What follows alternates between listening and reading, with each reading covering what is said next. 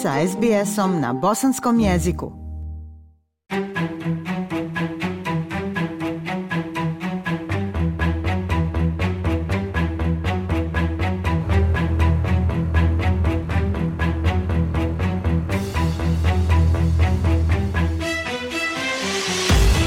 Slušate SBS program na Bosanskom.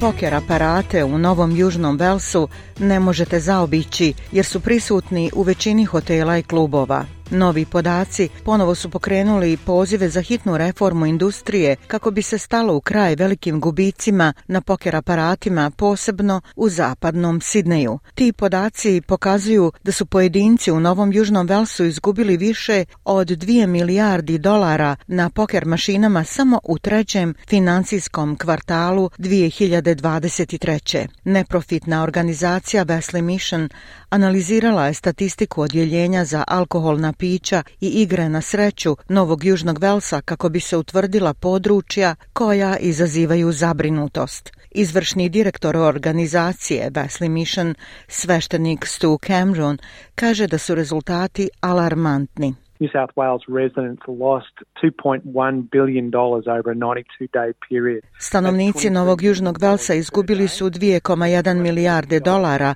u periodu od 92 dana. To je 23 miliona dolara dnevno, a to je 250 dolara po svakoj osobi, muškarcu, ženi i djetetu u cijeloj državi. Zapanjujuća brojka koja pokazuje da je industrija poker mašina jedna od onih neuništivih, ali i jedna od najdestruktivnijih, jer se toliko novca uzelo iz zajednice, a mogao se potrošiti u druge svrhe. Podaci pokazuju da je zapadni Sidney regija sa najvećim najvećim gubicima u Novom Južnom Velsu. Hoteli Markets u Hombušu, Crossroads u Kezuli i Wentworth Hotel u Hombuš Festu prijavili su najveće gubitke novca na kockanju tokom trećeg kvartala. Sveštenik Cameron objašnjava zašto gubici ostaju tako visoki u zapadnom Sidneju. Western Sydney is the place where we see uh, already huge mortgage and rental stress. Zapadni Sidney je mjesto gdje vidimo ogromnu krizu zbog plaćanja hipoteka i kirija,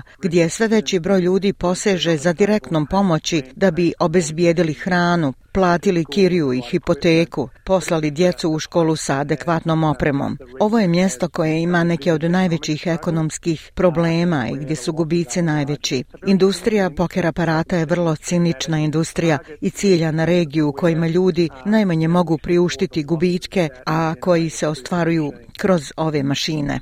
Hoteli koji rade s maksimalno 30 poker mašina u prosjeku su zaradili 65.589 dolara po mašini u 90 dana od 1. jula do kraja septembra 23. Godišnje to je preko 262.000 dolara profita za svaku poker mašinu. I to nije neuobičajen profit. Wesley Mission sugeriše da je 22% hotela odgovorno za 62% prijavljenih gubitaka. Državna vlada je već neko vrijeme pod pritiskom da uvede reformu kockanja, posebno za poker aparate. Glavni zastupnik Alijanse za reformu kockanja, Tim Costello kaže da je reforma hitno potrebna. The whole community gets hurt, not, you know, not just those who play and get addicted to the pokies. Cijela zajednica je povrijeđena, ne samo oni koji uh, igraju i postaju ovisni o poker aparatima. Potrebna nam je um, bezgotovinska kartica na um, kojoj morate zaključati svoje gubitke uh, prije nego što počnete igrati i vrijeme dokle možete igrati.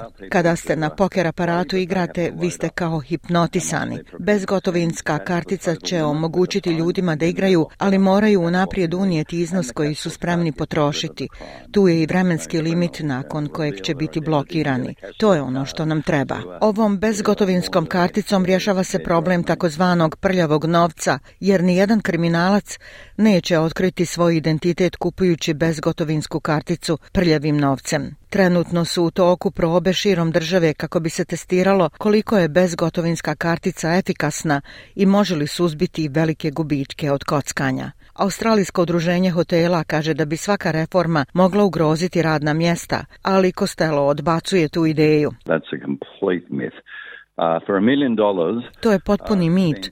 Za milion dolara potrošenih u maloprodaji otvorit će se 20 radnih mjesta. Milion dolara potrošenih u ugostiteljstvu otvorit će se 10 radnih mjesta, a milion dolara koji prolaze kroz poker aparate manje od dva radna mjesta. U stvari, poker aparati su ubice posla. Oni su ubice novih radnih mjesta, ako se taj milion dolara potroši negdje drugdje. U izvještaju se navodi da su neki klubovi u državi državi prijavili smanjenje gubitka u odnosu na isto tromjeseće 22. U trećem kvartalu 23. izgubljeno je 1,16 milijardi dolara zbog 65.000 poker aparata u klubovima. U saopštenju klubovi Novog Južnog Velsa iznijeli su neke od prednosti posjedovanja poker mašina. Unlike other hospitality venues, clubs are owned by the community with Za razliku od drugih ugostiteljskih objekata, klubovi su u vlasništvu zajednice i profit se vraća u zajednicu ili u nadogradnju objekta, a ne u džepove dioničara ili vlasnika. Nedavni izvještaj koji je napravila konsultantska firma Urbis otkrila je da klubovi Novog Južnog Velsa daju društveno-ekonomski doprinos od 9 milijardi dolara godišnje. Ta cifra uključuje 936 milijuna miliona dolara za besplatne društvene ili sportske objekte, preko 10.000 besplatnih zabavnih događaja mjesečno i podršku za više od 75.000 radnih mjesta širom države. Za SBS program na bosanskom jeziku Aisha Hadži Ahmetović. Ostanite i dalje s nama. Like, share, comment. Pratite SBS Bosnian na Facebooku.